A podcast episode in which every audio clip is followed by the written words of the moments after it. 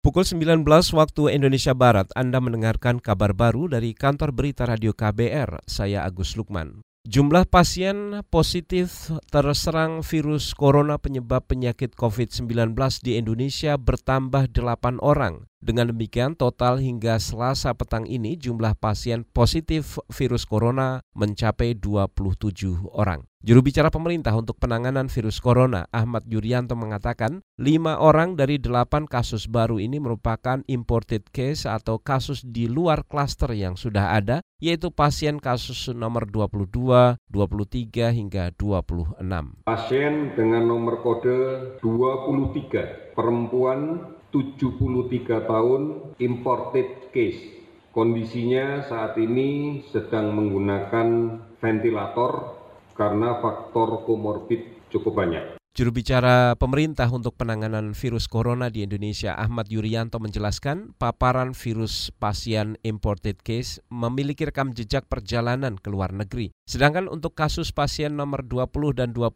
merupakan paparan kasus 01 klaster Jakarta. Sedangkan untuk kasus ke-27 masih belum diketahui rekam kontaknya. Menteri Luar Negeri Retno Marsudi mengklaim terus memantau keadaan warga Indonesia yang tersebar di negara Italia melalui kedutaan besar Indonesia yang ada di Roma, Italia. Pantauan itu dilakukan usai pemerintah Italia menutup pintu negara seluruh Italia dari warga pendatang akibat melonjaknya kasus wabah COVID-19 di negara tersebut. Semua negara sedang sibuk, kita memperhatikan tentunya perkembangan yang di dalam negeri, tetapi ada kewajiban negara juga untuk memberikan perhatian bagi WNI kita yang ada di luar negeri.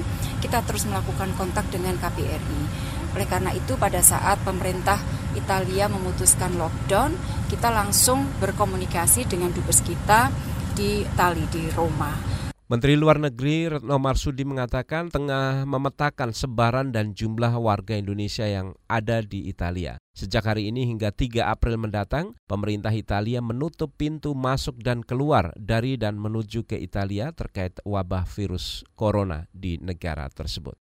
Kita ke negara tetangga, pemerintah Singapura mulai mengenakan biaya perawatan ke para warga negara asing yang dinyatakan positif tertular jenis virus corona baru COVID-19. Kebijakan ini dilakukan setelah negara itu melaporkan tiga kasus dari pendatang yang dua di antaranya berasal dari Indonesia. Warga negara asing penderita COVID-19 dengan izin tinggal jangka pendek yang ingin dirawat di Singapura harus membayar sendiri. Namun mereka yang hanya ingin memeriksakan kemungkinan tertular virus tidak dikenakan biaya. Biaya perawatan untuk penyakit infeksi saluran pernafasan di Rumah Sakit Umum di Singapura umumnya di rentang harga 6.000 dolar Singapura sampai 8.000 dolar Singapura atau sekitar 60 juta hingga 80 juta rupiah.